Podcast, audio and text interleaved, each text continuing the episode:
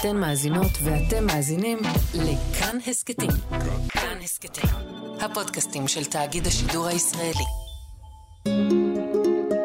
היסטוריה לילדים עם יובל מלכי. קליאופטרה השביעית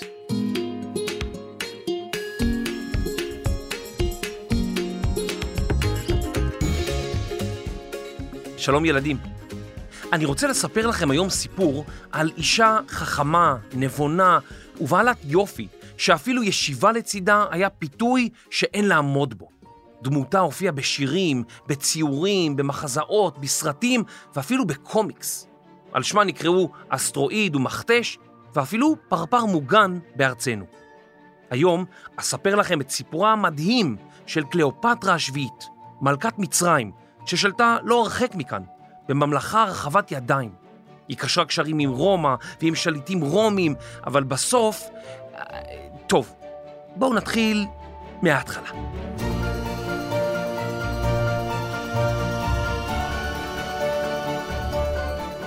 קליאופטרה השביעית נקראה גם תאה פילופטור. משמעות השם היא האלה האוהבת את אביה. אם ילדה בשם אלה מאזינה לפרק עכשיו והיא אוהבת את אביה, היא ממש תאה פילופטור קטנה. קליאופטרה נולדה בשנת 70 לפני הספירה. אנו רגילים לחשוב עליה בתור מצרית, אבל למעשה קליאופטרה נולדה לשושלת יוונית, המכונה בית תלמי, ששלטה אז על מצרים לאורך כ-300 שנה. התרבות היוונית, או בשם אחר, הלניסטית, הייתה נפוצה במשך מאות שנים באזור אגן הים התיכון. זהו למעשה האזור הגיאוגרפי שנמצא ממש מסביב לים התיכון. ההורים של קליאופטרה נשמעים כמו שחקני כדורסל. אבי היה תלמי ה-12 ואימה קליאופטרה החמישית. מספר 5 מוסר למספר 12, למספר 7, וקליאה פטרה, וואו, סל מדהים של מספר 7, איזו קליאה פטרה, איזה סל של קליאופטרה השביעית. רגע, עוד, עוד לא המציאו בכלל את הכדורסל. אויש. לקליאופטרה השביעית היו שלוש אחיות ושני אחים. באותם ימים לא היה נהוג שנשים שולטות על מדינה. הן בדרך כלל לא עברו הכשרה לכך, והיו שחשבו שנשים אינן ראויות להנהיג. מלכות שלטו בדרך כלל עד שמונה מלך חדש. כשאביה של קליאופטרה נפטר בשנת 51 לפני הספירה, הוא הוריש את השלטון לה ולאחיה, תלמי השלושה עשר. הוא היה אז בן עשר בלבד. הנה הוא מוסר למספר עשר, מוסר לתלמי וסל. יש לתלמי 13 נקודות. תלמי 13 וכלה פטרה 7 נקודות. אליך יורם. מי עושה את הקול המוזר הזה? לא, נכנס לי פה קול באמצע, אתם לא שומעים? מישהו מדבר על כדורסל, במצרים העתיקה, איזה כדורסל? צריך להפסיק עם זה, באמת. קליאופטרה זכתה לחינוך רחב והייתה מלומדת וחכמה. יש האומרים שדיברה 12 שפות, כולל עברית. היא רכשה ידע במדע, בספרות, באומנות, במתמטיקה וברטוריקה, שהיא תורת השכנוע. קליאופטרה הייתה נבונה, והיא ידעה שיום יבוא ואחיה ירצה לעמוד בשלטון לבדו. לכן, כבר בימיה הראשונים כשליטת מצרים, דאגה קליאופטרה ששמה בלבד יופיע על מסמכים רשמיים. כך ידעו כולם מי המלכה האמיתית במצרים. באותם ימים האימפריה הרומית רצתה לכבוש את מצרים, שהייתה מדינה די עשירה, ולאורך נהר הנילוס היו גידולים חקלאיים רבים, בעיקר חיטה. קליאופטרה הבינה זאת, וטיפחה את יחסיה עם רומא, כדי שתוכל להמשיך להיות המלכה. לשם כך, היא חידשה מסורות דתיות מימי הפרעונים המצריים מצד אחד, ומן הצד האחר הפיצה השכלה הלניסטית, והפכה את העיר אלכסנדריה למרכז התרבות במצרים. נשמע נהדר, לא? ובכן, רבים מהבכירים רצו שקליאופטרה תתייעץ איתם קודם, ולא תקבל החלטות בעצמה. הם החליטו לפעול נגדה, ופנו לתלמי השלושה עשר, אחי הצעיר. אך קליאופטרה לא ממש פחדה מהם. להפך, היא התעלמה מצוות אביה והמשיכה לשלוט לבדה. גם אני רוצה לשלוט. אני כבר בן 13. אתה? אתה רק בן עשר. אבל האיש קודם אמר תלמי ה-13. כן, אתה תלמי ה-13 בשושלת, אבל אתה רק בן עשר. אני? אני 13 וגם 10 זה 23, אז אני יותר גדול ממך. את רק בת 18. אבל אני בת 18 ואתה בן 10. יואו, איזה אח מעצבן אתה. טוב, עכשיו אני הולכת, יש לי פגישה סודית. קליאופטרה יצאה ממצרים. בעצם היא ברחה. היא הגיעה לסוריה ולארץ ישראל, ואף שהתה בעיר אשקלון, שם התקבלה בסבר פנים יפות. לאחר כמה חודשים היא חזרה, כשצבא שלם עומד לצידה. אחיה, תלמי, שמע על כך וגייס צבא גדול מאוד. עתה עמדו הצבאות של קליאופטרה ותלמי השלושה עשר זה מול זה, אך אף אחד מהם לא פתח בקרב. אבל אז קרה משהו בלתי צפוי. המצביא הרומי, גנאיוס פומפיוס מגנוס, או פומפיוס הגדול, הגיע לחופי מצרים. הוא כבר היה רחוק משיאו, וכעת הפך נרדף וחיפש מקלט. פומפיוס היה אויבו של אחד הקיסרים הגדולים בהיסטוריה של רומא, יוליוס קיסר. תלמי ה-13 לא רצה להסתבך עם יוליוס, והורה להרוג את המצביא מרומא. זמן קצר לאחר מכן הגיע למצרים יוליוס קיסר בכבודו ובעצמו, מלווה בכמה אלפי חיילים בלבד. מטרתו הייתה לגבות חוב גדול שבית תלמי היה חייב לרומא. כשהוא שמע על המריבה בין האחים, הוא הבין שזה לא משרת את מטרותיו, והחליט להשכין שלום ביניהם, והוא הזמין אותם לפגישה. קליאופטרה החכמה ידעה שהסיכוי היחידי שלה להשפיע על קיסר לתמוך בה, ולא באחיה, הוא לפגוש אותו לבדה. לקליאופטרה הייתה תוכנית. אמא, תלמי מציק לי. אבל אני תפסתי את השלט. אבל שמעת מה יובל אמר, שיש לי תוכנית עכשיו. מה? איזה תוכנית? עכשיו אני רוצה לראות. עכשיו הזמן שלי לתוכנית. לא, הוא אמר שלי יש תוכנית עכשיו. אבל, אבל איזה תוכנית יש לך? לא מגלה ולא מגלה, תוכנית סודית. אמא, קליאופטרה מתגרה בי, אומרת שיש לה תוכנית סודית. אמא, אמא תגידי לה. היא מציגה לי, אמא. בסוד כמוס הגיעה קליאופטרה לארמון. יש האומרים שהגיעה בתוך שק, ויש השערות שהגיעה בסירה. אין אנו יודעים בדיוק כיצד היא התגנבה לארמון. אך כשיוליוס קיסר ראה אותה, הוא נדהם מיופייה. קליאופטרה שהתה בחדרו בכל אותו לילה, והם התקרבו זה לזו. רוצים לשמוע משהו ממש מגעיל? הם אפילו, הם אפילו התנשקו! פיך, פיכס, מגעיל.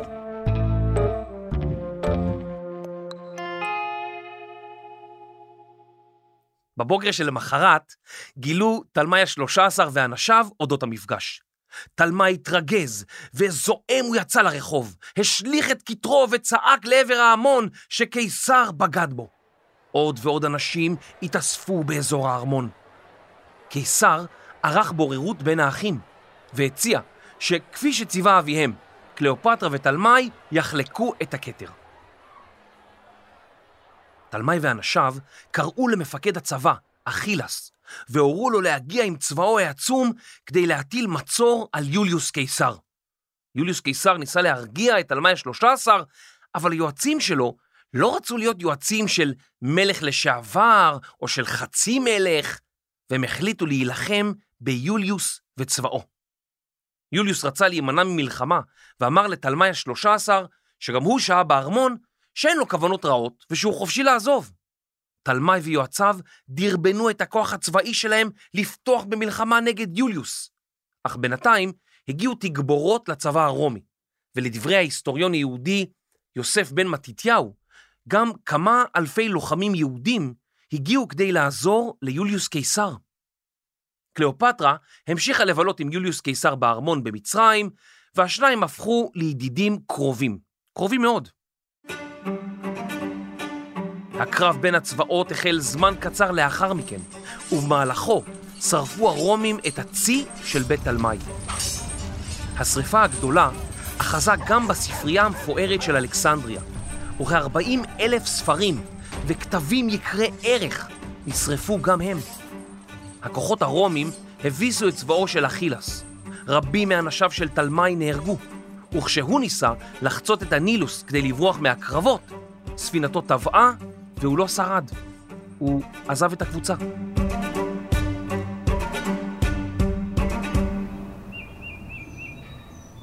עכשיו יוליוס וקליאופטרה יכלו לטייל, לשוט בנילוס ולבקר במקדשים עתיקים. יוליוס קיסר לא רצה שקליאופטרה שוב תריב עם אחיה הצעיר, תלמי ה-14, והוא חיתן את השניים, דבר שהיה מקובל בבית תלמי ונעשה כדי למנוע מלחמה. יש מלך, יש מלכה, זהו. יוליוס וקליאופטרה המשיכו לבלות יחד. קליאופטרה נכנסה להיריון וילדה לו בן שכונה קיסריון. משמעות השם, קיסר קטן. זה כמו שלי קוראים יובל, ולבן שלי היו קוראים יובלון. או אם קוראים לך אקורד, לבן שלך היו קוראים אקורדיון. לא, זה לא... או, או אם לבת שלך קוראים חנה, לנכדה שלך יקראו חניון. לא, זה לא... אולי, אולי מוקי, נקרא לבן שלי מוקי, ואז מוקיון? לא, גם זה לא... לא, פחות אוהב את זה, עזבו. יוליוס שב לרומא, אבל קליאופטרה התגעגעה אליו, והפליגה גם היא לרומא. היא ואחיה הוכרו על ידי הסנאט הרומי, נבחרי הציבור, כשליטי מצרים הרשמיים וידידים של העם הרומי. יוליוס קיסר היה עסוק בכיבושים ומלחמות, ועד מהרה חזרה קליאופטרה למצרים. אני חוזרת הביתה, חוזרת למצרים, אל הפירמידות, אל הנילוס, אני מתגעגעת ליוליוס קיסר. איפה יוליוס? למה הוא לא בא?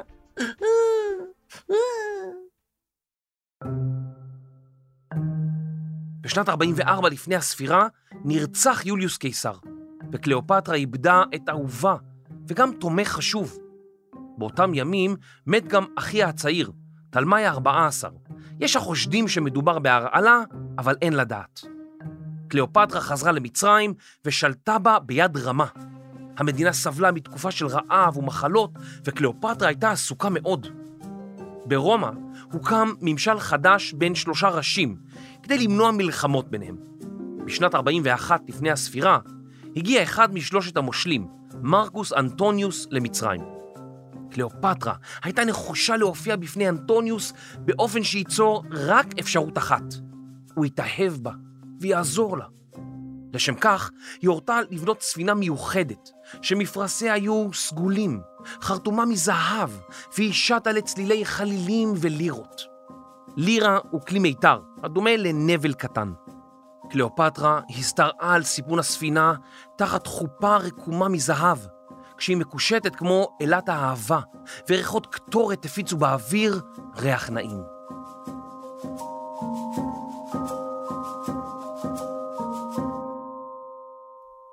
אנטוניוס צפה בקליאופטרה והתאהב.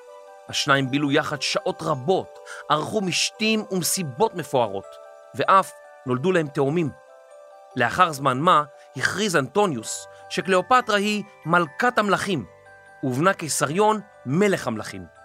האם ובנה היו לשליטי מצרים, קפריסין, לוב וכרתים. קליאופטרה כינתה את עצמה איזיס החדשה, אלת הרפואה, הקסם והטבע. קליאופטרה הצליחה לייצר מקורות הכנסה חדשים, כסף, וכך שמרה על חצר מלכות ברמה הגבוהה ביותר. היא גם הייתה שליטה בעולם העתיק ועשתה דברים רבים כדי לשמור על שלטונה. היא למשל שלחה אנשים להרוג את אחותה, למרות שהיא לא היוותה איום עליה, וכלל לא רצתה לתפוס את השלטון. קליאופטרה ואנטוניוס המשיכו להיות בקשר צמוד, והוא אף ערך מצעדי ניצחון במצרים עצמה. השניים הפכו לזוג קרוב מאוד, ובילו ימים ארוכים יחדיו. קליאופטרה הפכה לחברה טובה של אנטוניוס, ובחוכמתה העניקה לו עצות רבות. קליאופטרה הייתה גם בקשר עם יהודים רבים, ועל פי ההיסטוריון יוסף בן מתתיהו, בבית כנסת יהודי גדול באלכסנדריה הייתה הקדשה עבורה ובנה קיסריון. קליאופטרה גם התכתבה עם משפחת חשמונאי, ובספרות חז"ל היא מצטיירת כאישה חכמה ונבונה, המתכתבת עם חכמים יהודים ושואלת אותם שאלות מעניינות. מאוחר יותר הייתה בקשר עם הורדוס, ואף ביקרה פעמים רבות בארץ ישראל. אבל ברומא השלטון המשולש החל להתפרק, ואחד השליטים, אוקטביוס, לימים הקיסר אוגוסטוס הראשון, שכנע את הסנאט הרומי שקליאופטרה היא מכשפה, ושאנטוניוס מעדיף את מצרים על פני רומא. הוא שכנע את רומא לצאת למלחמה נגד אנטוניוס וקליאופטרה. קליאופטרה התכוננה היטב למלחמה, בנתה ספינות, שכרה חיילים ועמדה בראש הצי משהחלו הקרבות. אך הצבא הרומי היה חזק יותר, וקליאופטרה לא רצתה ליפול בשבי. היא חמקה וברחה מאזורי הקרבות יחד עם 60 מאוניות הצי. זאת הייתה מכה קשה ללוחמיה, ותוך זמן קצר הובס צבאו של אנטוניוס. השניים ניסו למצוא דרך לדבר עם אוגוסטוס, אך ללא הצלחה. אוגוסטוס הרומי דרש מהם שייכנעו כניעה מוחלטת ויעבירו אליו את הממלכה במצרים. קליאופטרה תכננה להעביר את הצי שלה מהים התיכון לים האדום ולברוח להודו, אך לאחר שהצי שלה נשרף, היא נאלצה להישאר במצרים. אוגוסטוס רצה לא רק לנצח במלחמה נגד מצרים, אלא להוביל את המפסידים, קליאופטרה ואנטוניוס, בתהלוכה ברומא, כך שכולם יוכלו לראות אותם מושפלים וידעו מיהו הקיסר האמיתי שלהם. הוא שלח את צבאו למצרים כדי ללכוד את קליאופטרה. אבל היא לא אמרה נואש. היו לה כמה טריקים בשרוול. הנה, כאן יש מקל קסמים, ופה אני מוציאה פרח, והנה קלף, ויש לי פה עוד חולצה שאני מוצא את השרוול השני, ו... לא, לא, כשאני אומר טריק בשרוול, אני מתכוון שיש לך עוד תכסיסים. נכון, נכון, יש לי עוד כמה תכסיסים, אתה צודק. הנה, למשל, תעמוד ישר, אוקיי, תעצום את העיניים, עוצם. ו... אך, למה המכת קראטה הזאת? אה, איתה, זה תכסיס יפני, אתה, אתה מבין? עשיתי לך תכסיס, אה! אה! לא, קליאופטרה, די עם הקראטה הזה, מה? מה את מרביצה לי? היי, היי, קליאופטרה, היי, די, די עם התכסיסים, די עם התרגילים, היי, אני בורח, בורח.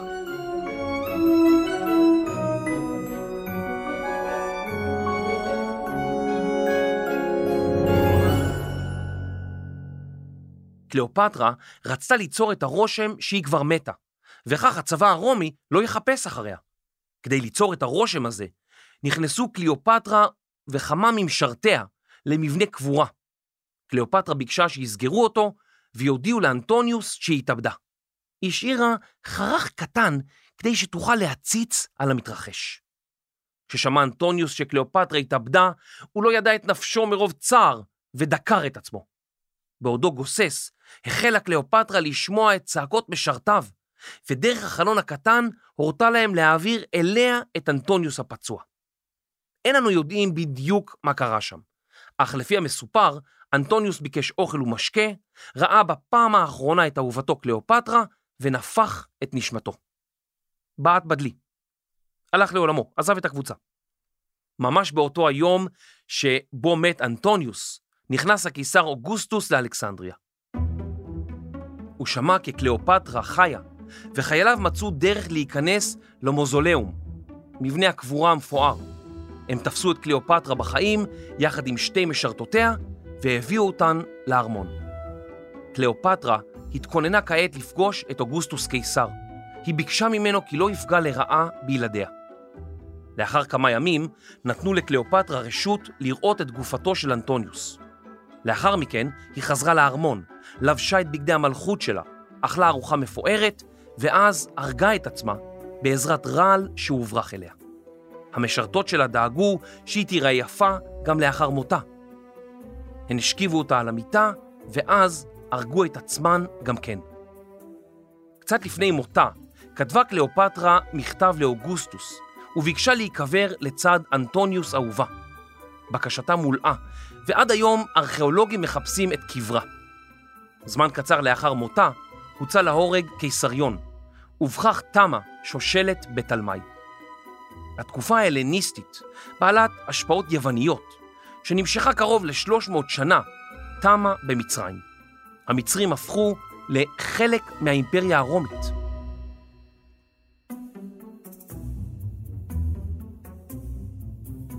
סיפורה של קליאופטרה הונצח על ידי גדולי האומנים, ומחזות רבים נכתבו על סיפורה, ביניהם אנטוניוס וקליאופטרה, של המחזאי האנגלי המפורסם ויליאם שייקספיר. לאחרונה נבחרה גל גדות לשחק את דמותה בסרט הוליוודי חדש.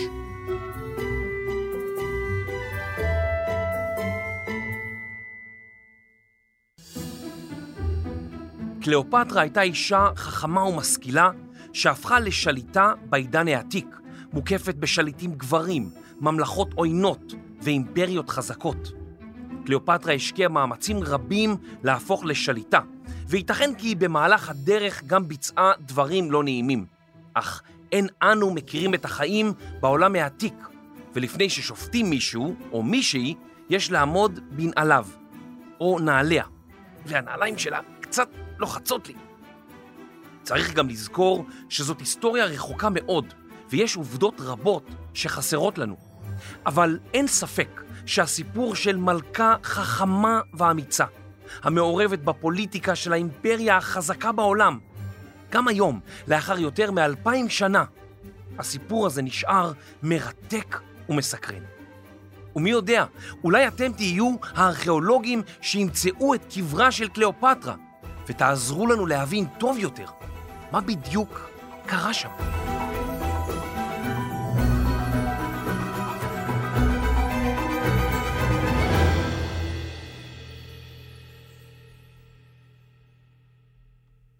הנה, הגעתי כאן למצרים, אני גם רוצה למצוא את קברה של קליאופטרה.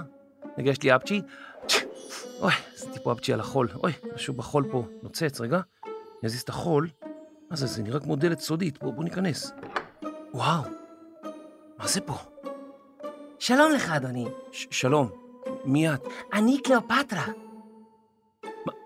אני מצאתי את קליאופטרה? אני מצאתי את קליאופטרה? נכון, אני קליאופטרה.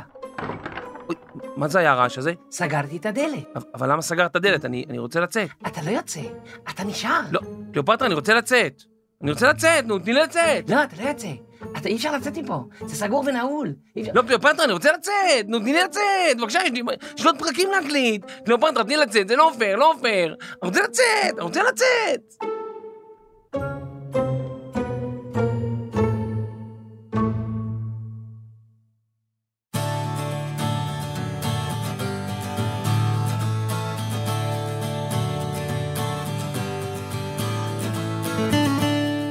מחקר, כתיבה, עריכת לשון וקליאופטרה השמינית, דינה בר מנחם.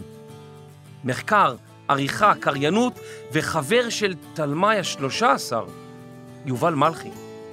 עיצוב סאונד, מיקס והמחליפה של גל גדות, רחל רפאלי. הפקה והאנשים שערכו את קליאופטרה בארץ ישראל, רני שחר ואייל שינדלר. אני יובל מלכי, היסטוריה לילדים וילדות.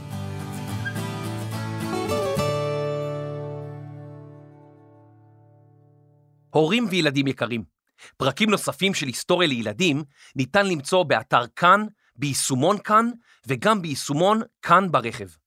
נשמח אם תספרו לחברים ולמורים שלכם על ההסכת הזה.